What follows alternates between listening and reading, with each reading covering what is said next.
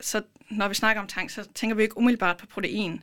Øh, det er måske primært fibre, vi forbinder med tang. Og mange forbinder måske ikke engang tang med fødevarer, men faktisk bare lidt sådan en halv ulækker substans, man kan risikere at svømme i ind i om sommeren.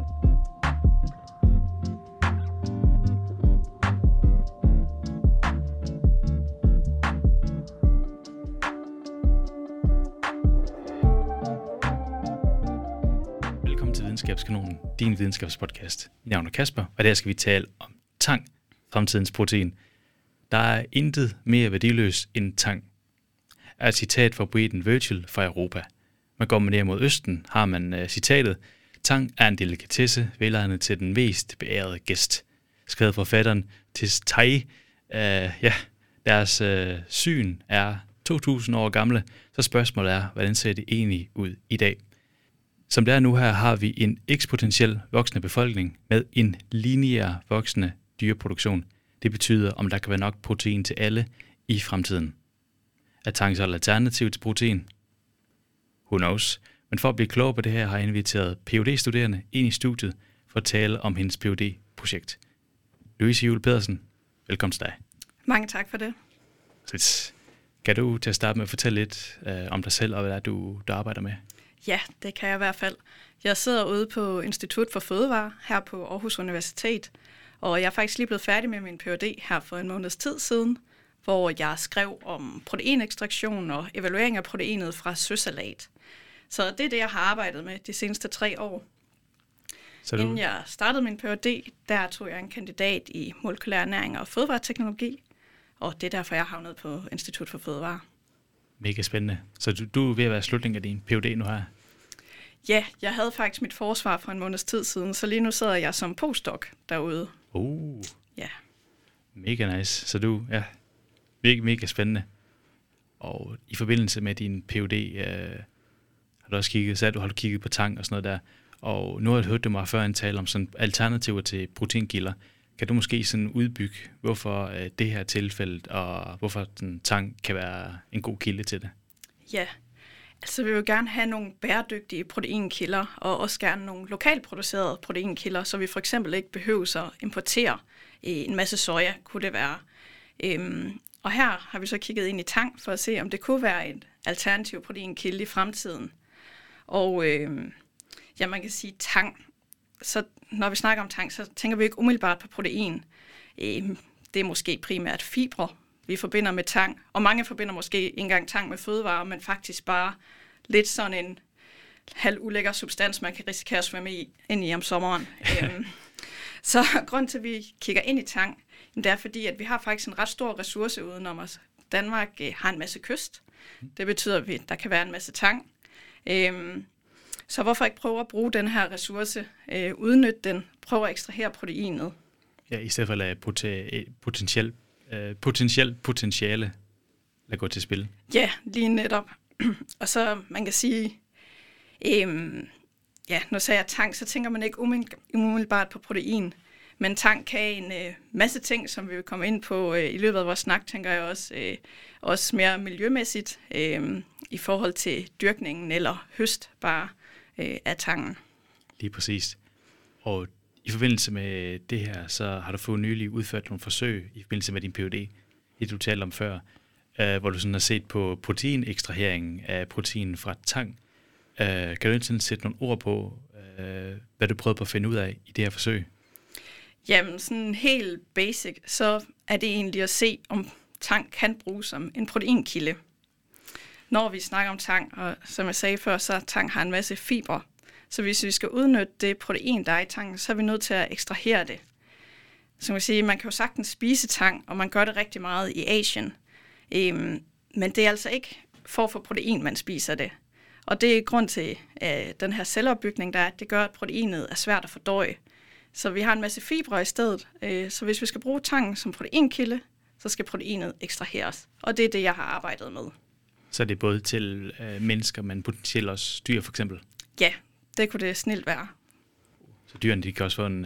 Øh, ja, så det er alternativet til protein også for dyrene, kan man sige. Ja. Øh, hvad for noget tang brugte I i forbindelse med jeres forsøg? Jamen, jeg arbejdede meget med søsalat. det er den her grønne makroalge, øh, som vi finder flere steder i Danmark.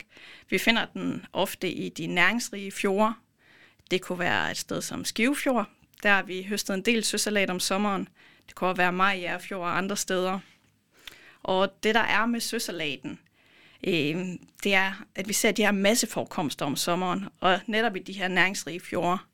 Og det er fordi søsalaten, den er rigtig god til at vækste og vokse og bruge de her næringsstoffer, der er i vandet. Så det, der kan ske om sommeren, øh, det er, måske går man en tur i forsommeren langs de her fjorde, og det ligner sig selv, der er fint vand. Så et par uger senere, der har været varmt, så kan vi lige pludselig se den her opblomstring af søsalaten, og der kan bare være grønt ud over hele fjorden. Det det her hurtige vækstpotentiale, der ligger i søsalaten. Og det er både en styrke og et problem, kan man sige. Det er det. Og den er også lidt mere appetitlig at se på måske. Det er ikke sådan en byllet, ulækker tang, der sidder fast på bunden af havet. Det er sådan mere, det ligner vildelig øh, sal, salat. Ja, det kunne godt ligne lidt bare et stykke iceberg, der lå flod. Øh, I en lidt mere, øh, hvad skal man sige, papirlignende struktur. Sådan, øh, sådan en grøn, appetitlig makroalge, ja. Ja, ja. Og I, øh, hvor fik I øh, tangen fra? Øh. Jamen, øh, vi har både været ude og høste det øh, i Skivefjord blandt andet, og så har vi også haft noget, der er blevet dyrket, øh, hvor man har haft nogle tanke, og så har man simpelthen dyrket søsalaten. Øh, ja. Så vi har både haft noget vildt voksende søsalat og noget dyrket søsalat, vi har kigget på. Mega nice. Og så høstede I det på et tidspunkt, øh, hvor det om sæsonmæssigt gav mening? Ja, jeg har faktisk høstet på flere tidspunkter hen over sommeren. Øh, det er primært om sommeren, vi finder søsalaten. Og som jeg snakkede om før med de her masseforekomster. Øhm, og ja, der har jeg kigget på, jamen hvad, når vi høster det på forskellige tider af sommeren, er der så forskel? Og det er der. Man kan sige, at søsalaten den er meget afhængig af, hvor mange næringsstoffer der er i vandet, hvordan er temperaturen, øh, hvad med sollys osv. Så, så indholdet i søsalaten, blandt andet med protein, øh, og det kan også være med aske og fiber osv., alle de her forskellige indholdsstoffer, det kan simpelthen variere hen over sommeren og hen over sæsonen generelt. Hvad mener du med, med, med aske? Hvad, til, til den almene uh, lytter du ud, hvad, ja, hvad, hvad betyder det? Det kan være mineraler, for eksempel. Ah, ja, ja, salte. Ja. Mega nice. Så ja, det, det, det er meget, ja, det, det er meget omfattende tang også. Det, det skal kultiveres, det skal dyrkes ligesom alt andet. Især hvis der er sådan en tang der. Så når I sådan havde, når jeg havde det ud og øh, tage det her tang her, og I tog til laboratoriet, og øh, hvad gjorde I så for ligesom at ekstrahere proteinet? Øh, hvad, hvad for nogle parametre var det, I så på? Øhm, jamen, når vi skal ekstrahere proteinet, så for det første, så vil vi gerne have nedbrudt cellevæggene, øh, så vi kan få fat i proteinet. Og det kan man gøre på forskellige måder. Man kan sige, primært kan man have tre forskellige fremgangsmetoder. Man kan have en mekanisk metode. Det kunne for eksempel være, at man gik ind og skruepressede øh, biomassen for ja, at nedbryde cellevæggene. Så kunne man lave en mere kemisk baseret ekstraktion. Det kunne for eksempel være ved, at man kunne hæve pH, så man får en alkalisk ekstraktion. Det kan være med til at få øh, gøre proteinerne mere opløselige. Øh, så kunne man også bruge øh, en enzymatisk fremgangsmåde. Altså ved at bruge enzymer, kunne man få dem til ligesom at klippe cellestrukturen i stykker, øh, nedbryde cellevæggen, så man kan komme ind til proteinet. Så jeg havde sådan en mekanisk, øh, kemisk og biologisk. Tre forskellige ja, ting, tre forskellige metoder, man kunne benytte sig af. Øhm, ja, eller jeg har så kun kigget på to af metoderne. Øh, den mekaniske og den kemiske. Øhm, ja, og for, for den mekaniske ekstraktion, der er primært brugt den her skruepresning. Så altså, det vil egentlig bare sige, at jeg har lavet en tankjuice. Så jeg har puttet biomassen ned i en juicer, og så har jeg fået en tankjuice ud, kan man sige. Sådan helt grøn.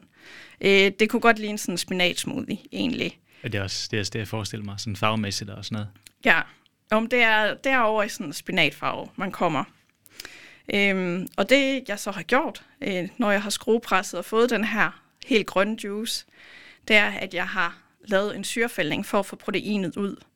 Man kan sige, når de bare er i den opløsning der, så er det ikke specielt koncentreret, når det ligger i juicen. Så for at opkoncentrere proteinet, så skal det for eksempel udfældes. Og det har jeg gjort ved at syrefælde, altså nedjustere pH, så klumper proteinerne sammen, og så går til bunds.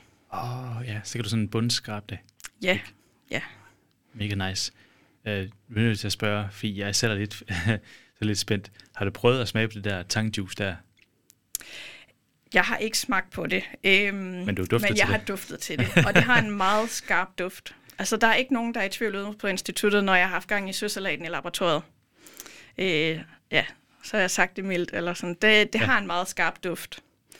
Og jamen, jeg tænker, det man kan forbinde det med, det er, hvis man er gået en tur øh, langs fjorden der om sommeren, en varm sommerdag, og der måske er noget opskyllet tang, øh, det kan lige frem være sådan lidt svoglet i det måske, og ja, for at sige livet, så sådan lidt råden havlugt. Ja, ja. ja. Duften af råden æg, sådan. Oh. Ja, ja. Ej, det, ja. Og så, så I, øh, I så på, ja, efter I havde presset den, eller ekstraheret det og sådan noget, øh, hvad for nogle parametre var det, I så på? Hvad var det, I Ja. Jamen, der er primært to øh, parametre, vi gerne vil ind og kigge på. For det første er det proteinudbyttet. Altså, hvor meget protein kan vi overhovedet hive ud af tangen? Og den ja. anden, det er, hvad så med kvaliteten af det her protein? Og man kan sige, for udbyttet, øh, jamen, det er jo relevant for, giver det mening, sådan, hvis man kigger business-wise også, hvor meget protein kan vi få ud? Giver det mening? Øh, Klart. Kan, ja, er det konkurrencedygtigt? Og så i forhold til kvaliteten, så er det selvfølgelig næringsmæssigt. Er der de rigtige aminosyre? Øhm, er det fordøjeligt? Og så kan man også gå ind og kigge på, er der nogle funktionelle egenskaber af proteinet? Altså, kan det andet end bare være et næringsstof? Kunne det måske også gå ind og virke som ingrediens i fødevarer, for eksempel geléer, skumme eller lignende? Mega, altså ja, og, og det der digestibility, det er jo også noget at gøre med, altså det går, at vi indtager protein, men det kan også være, at vi kan øh, omsætte det. Ja, lige netop. Så det her med fordøjeligheden af proteinet, og det er også, øh, det er en af de ting, vi kigger meget ind i, og også den primære grund til, at vi skal ekstrahere proteinet, det er netop for at øge fordøjeligheden. Så ja, for at sige det lyder, så er det, når vi spiser tangen, og vi fordøjer det ned i maven og tarmene, så bare for at proteinet ikke bare røver ud igen i den anden ende, men vi faktisk også optager det, så er det, at vi har lavet den her ekstraktion for at se, om det så kunne øge fordøjeligheden. Ja. Og vi så, at når vi ekstraherede proteinet, så kunne vi faktisk øge fordøjeligheden med mere end 20 procent. Der er altså også nødt til at sige, at selvom vi øgede fordøjeligheden med 20 procent, så var det stadigvæk en forholdsvis dårlig fordøjelighed. Ja, ja. Øhm, så der skal altså stadigvæk noget mere forskning til, og vi skal forbedre vores ekstraktionsmetoder øh, for at få et renere protein ud og for at øge fordøjeligheden. Og det var det, øh, sådan, sådan, og det var det, sådan, det, det I sådan, øh, mere fandt frem til, sådan mere generelt, øh, når I sådan havde behandlet proteiner og taget prøverne, hvad var det, I fandt frem til, både til altså, ekstraheringsmetoder og sådan endelige resultater? Hvad, hvad, hvad var det, I fandt frem til? Øhm, altså sådan angående optimal ekstraktionsmetode, øh, så i hvert fald af de ekstraktionsmetoder, vi undersøgte, der fandt vi ud af, at det var faktisk bedst at kombinere både den mekaniske og den kemiske ekstraktion. Så det kunne for eksempel være, at vi først lavede den her skruepresning, og så havde vi jo den tankjuice der, hvor vi kunne udfælde noget protein. Men det betyder også, at vi har faktisk et ret stort restprodukt, som er den her pulp. Øh, altså alt det, der ikke er i juicen, men den her mere tørre fiberfraktion, der så kommer ud i den anden ende af juiceren. Ja, ja. Og her ligger der stadigvæk en forholdsvis stor mængde protein i. Oh, så det er ja. ikke alt proteinet, der er opløseligt for det første og kommer med ud i juicen, men der ligger stadigvæk en forholdsvis stor mængde af proteinet i selve den her fiberfraktion eller pulp. Ja. Så ved at lave en kemisk ekstraktion på den fraktion, så kunne vi øge proteinudbyttet yderligere. Oh. Okay, ja, ja. Og så i forhold til, øh, ja, så det med digestibility, er fordøjeligheden sådan okay høj for det meste af det? Nej. Nej, okay. Det, ja, det, er, er det, det kan jeg godt sige. Den er, er ikke særlig høj. Er det normalt, eller er det unormalt i forhold til, lad os sige, hvide eller bælfrugt for eksempel? Øhm, vi ligger lavere øh, i proteinfordøjeligheden øh, i de her tankproteinprodukter indtil videre. Øh, ja. Der skal stadigvæk forskes noget mere. Øhm, for at sammenligne, så kan man sige, vi havde en fordøjelighed på 50-60 procent. Og hvis man skal have en optimal fordøjelighed, så er det selvfølgelig 100%, men for at man siger, at man har en god proteinfordøjelighed, så skal man altså ligge over 90%. Så vi ligger relativt langt nede. Okay, så der skal altså forbedres her. Men det er ikke nødvendigvis en dårlig ting, det med fordøjelse. Altså, hvad er, hvor mange kalorier er der inde i altså 100 gram tang, for eksempel, søsalat? Øhm, det vil øh, variere meget, øh, alt efter hvor og hvornår man høster. Øh, man, man kan sige, at der er en ret stor fiberfraktion. Ja. Så kalorieindholdet er lavt. Ja. Øhm, så kan man sige, at fiber, det kan man ikke fordøje. Nej, lige netop. Men det, det, det, det, det skulle godt, siger de i hvert fald. ja, vi skal have noget fiber også. Øh, ja. Og så er det så bare det, når vi så kigger på tang som en proteinkilde, så er vi nødt til at skelne øh, i forhold til, jamen, vil vi have et fiberprodukt, eller vil vi have et proteinprodukt? Ja. Når det så er proteinproduktet, så er det, vi skal af med fibrene. Det er klart. Øh, øh, hvad kan man tænke på i forhold til kulhydrater og sådan noget? Det er vel meget, der er vel ikke så meget sukker i, for eksempel? Nej, der er selvfølgelig øh, nogle, nogle sukkerarter og sådan noget. Øh, og der er en stor kulhydratfraktion i tang. Det meste er bare fiber. Okay, ja. Så man kan sige, at det er i hvert fald et uh, low calorie choice, uh, choice i det her tilfælde. Ja, det er det. Mega, mega nice. Og jeg kan huske i hvert fald, da jeg læste din uh, phd afhandling så, uh, så skrev du på et tidspunkt i et diskussionsafsnit, at, at det med, at når du i sådan at den mængde I ekstraherer, mængden af protein I ekstraherer, var sådan faktisk relativt høj, men den var stadigvæk lav i forhold til altså andre proteinkilder, for eksempel af bælfrugt. Skal I bælfrugt, det er sådan noget som linser, for eksempel, eller, eller, eller hestebønder. Øh, kan, du, kan du gøre os klogere på, hvorfor der er en forskel? Jo, øhm, ja, og når jeg har skrevet, at der er en relativt høj, øh, eller et relativt højt proteinudbytte i det her, så er det egentlig bare set i forhold til andre ekstraktionsmetoder på tang. Så når vi sammenligner med, som du siger, for eksempel bælfrugter, øh, så ligger vi altså noget lavere. Øh, og det der er, hvis vi for eksempel kigger på en sojabønne, så er det nogle helt andre proteiner, der er i spil her. Der har vi meget lagerproteiner. Så man kan sige, at i sojabønnen, der er proteinet sådan forholdsvis let tilgængeligt. Der er selvfølgelig stadigvæk mange fiber og sådan noget, så hvis man kigger i forhold til kød, øh, animalske produkter, så ligger vi lavere øh, med sojabønnen, men så ligger vi bare endnu lavere i forhold til tangproteinet. Ah, ja. Øhm, og forskellen mellem sojabønnen og tang, for eksempel, jamen det er, at så proteinerne i tang, hvor vi havde lagerproteinerne i sojabønnen, så er proteinerne i tang, det er mere sådan strukturelle proteiner og enzymer. Ah, ja. Så det er egentlig nogle proteiner, der har andre funktioner i cellen, er med til at opretholde cellen. Så de er svære at ekstrahere, fordi de ligger tit øh, inde i membraner eller i cellevægge. En anden ting, der er ved alger, øh, og det er faktisk, øh, her ligger det til grund, at alger og planter, det er ikke det samme. Så opbygningen af cell, en algecelle øh, og tang, det, det er en alge. Den er anderledes end i de planter, vi kender ellers, hvis man kigger i forhold til græs. Ja. Øhm, der, de proteiner, øh, vi ofte gerne vil have fat i, når det er øh, grønne proteiner, det er fotosynteseproteiner. Dem har vi også i tangen. Her ligger de bare inde i en membran. Ah, øh, ja. Det gør de også i græsset, for eksempel. Men i tang, der har vi bare en ekstra membran. Så det gør, at det er sværere at komme ind til de proteiner i tangcellen. Okay, ja. ja.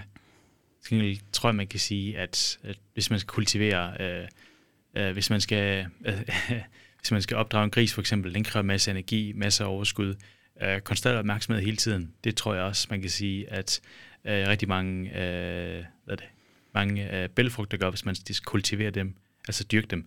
Men jeg tror også noget som tang, det vokser hurtigt, og det er relativt sådan, det, det kræver ikke så meget øh, bearbejdning. Det virker som en lettere proces, og man får mere ud af det.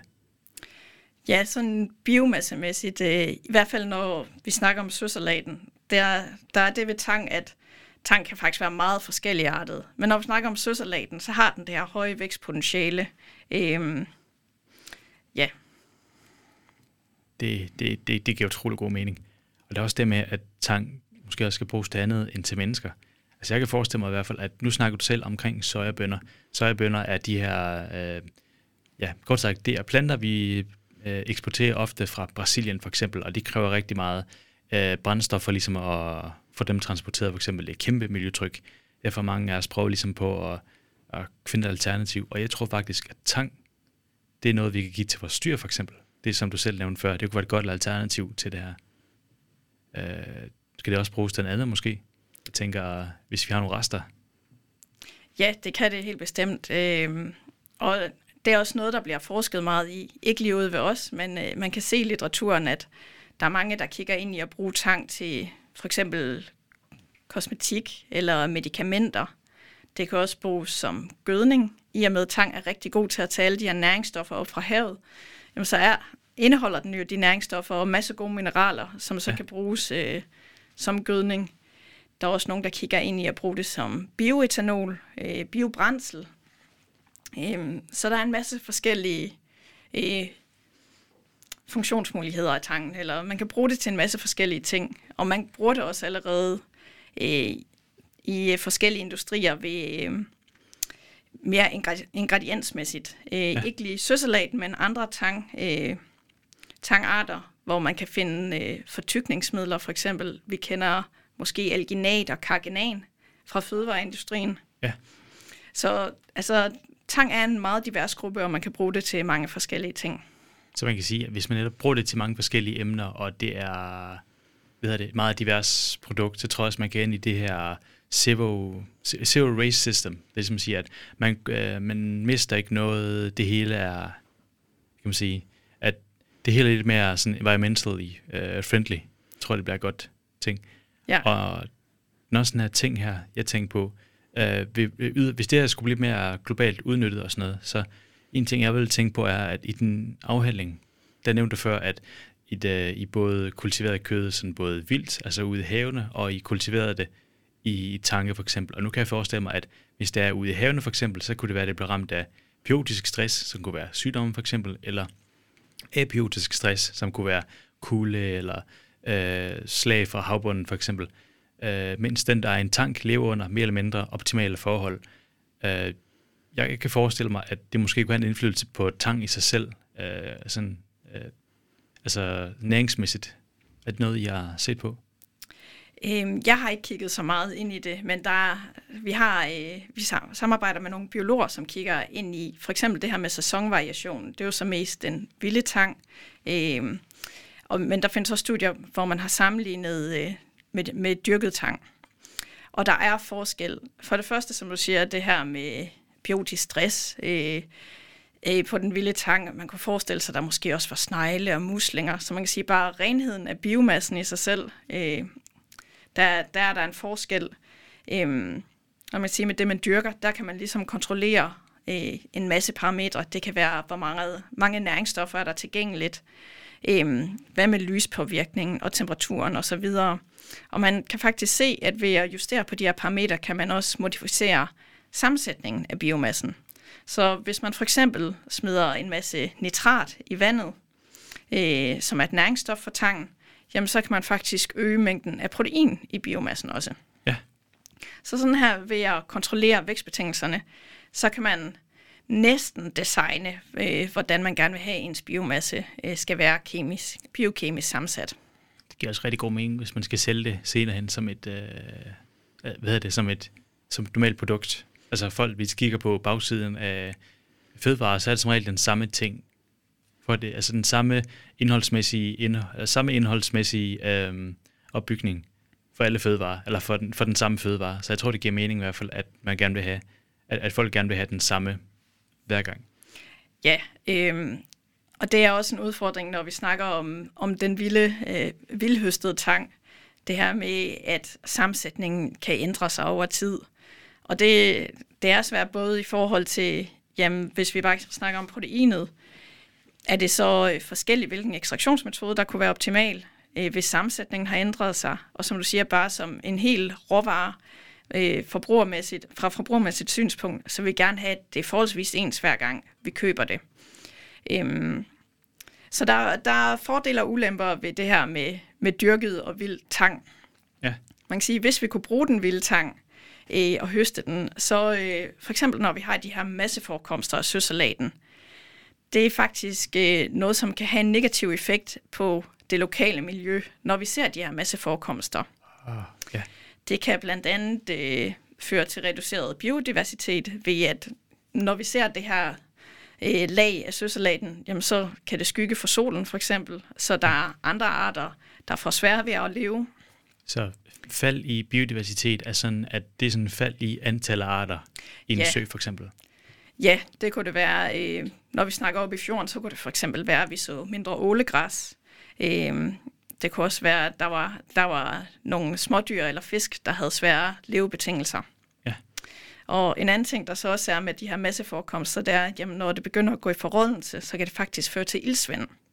Oh, ja. Så man kan sige, hvis nu vi kunne finde ud af at udnytte denne her øh, vilde tang, høste det, så vi kunne undgå nogle af de her negative effekter, så ville det faktisk være en win-win situation, både øh, øh for miljøet lokalt, og hvis vi så kunne bruge det øh, som en alternativ proteinkilde. Så det er egentlig derfor, vi meget har kigget på den her vildhøstede øh, søsalat. Det er klart. Altså jeg kan forestille mig, at mange af vores søer i Danmark er gået fra at være næringsværdige søer til at være næringsrige søer. Og det er jo fordi, at der har været eksempler, hvor vi har pumpet lidt for mange næringsstoffer ud af dem, og få dem ud igen, det har været meget svært. Det her kunne være en metode i hvert fald, at få det ud igen. Samtidig med, at man får noget, øh, noget, noget gavnende ud af det, kan man sige. Man får et produkt. Ja, lige netop. Så man kan egentlig sige, øh, jamen det, det kunne bare være rigtig smart, hvis man kunne bruge søsalaten som et marint virkemiddel, øh, kalder man det også. Ja. Øh, hvor søsalaten var rigtig god til at tage alle de her næringsstoffer op fra fjorden, og når man så høster søsalaten, jamen så fjerner man også de her næringsstoffer. Så på den måde, så kan det bruges som et værktøj øh, i de her næringsrige fjorde. Det giver rigtig god mening. Jeg kan også sådan, hvis man sådan, inden- de skal tage det og bruge det som sådan et endeligt produkt, så kan jeg sådan forestille mig, at sådan tangprotein sådan i sig selv, eller som et øh, som blandet produkt, kan jeg sådan forestille mig, at hvis det blev placeret i Nettos, Nettos køledisk eller hylder i morgen for eksempel, tror jeg, der vil være relativt mange mennesker, der sådan vil være modvillige til at, øh, til at købe det. Øh, hvad, tror du, skal til, for at folk gerne vil købe det? Sådan som prisen, måske? Jeg tænker, at prisen helt sikkert øh, spiller ind. Øh, det kender vi godt, når vi selv går rundt nede i supermarkedet, jo, at prisen har en betydning. Øh, en anden ting, jeg tror øh, har stor betydning også, det er egentlig det her med tilvænning. Vi er ikke vant til at spise tang øh, i nutidens Danmark. Øh, de gør det meget i Asien, øh, og vi kan jo se, det kan sagtens fungere som en god fødevare, så hvorfor skulle vi ikke begynde? Men jeg tror simpelthen, det er den her tilvændingssag. Og som jeg sagde tidligere, der er mange, når de tænker på tang, jamen så er det bare den her masse, de finder ud ved havet, og den lugter ikke altid så godt. Nej. Øhm, så jeg tror, vi skal have forvent, eller hvad hedder det, vendt forbruger-mindsetet, at øh, tang kan faktisk godt bruges som en fødevare, og det kan faktisk også smage godt, hvis Ja. at man bruger det rigtigt, tilbereder det rigtigt. Tang ja. har faktisk en masse umami-smag, den her velsmag, som man finder i blandt andet kød. Og det er på grund af et højt glutamatindhold, øh, som er en af aminosyrene. Så ja, det handler bare om at bruge tang rigtigt. Og så tror jeg, at det der med brandingen, altså vi skal have Ja. vendet forbrugerne til, at det faktisk er en fødevare. Helt enig. Jeg tror, i forbindelse med det, så tror jeg, det kommer meget ind på, hvordan historien bliver fortalt. Det er jo sådan, at øh, man- siger meget, altså hvis man kalder det for tangprotein, så tror jeg, at der er ikke så mange, der vil købe det. Men hvis man kalder det øh, klimatang, så rigtig mange gerne vil købe det. Det er fordi, at det handler om, hvordan historien bliver fortalt i forbindelse med det her. Øh, ved du egentlig, hvordan det er i forhold til sådan noget som vitaminer og antioxidanter er i tang? Ja, altså især øh, antioxidanter, der kan vi finde et relativt højt indhold.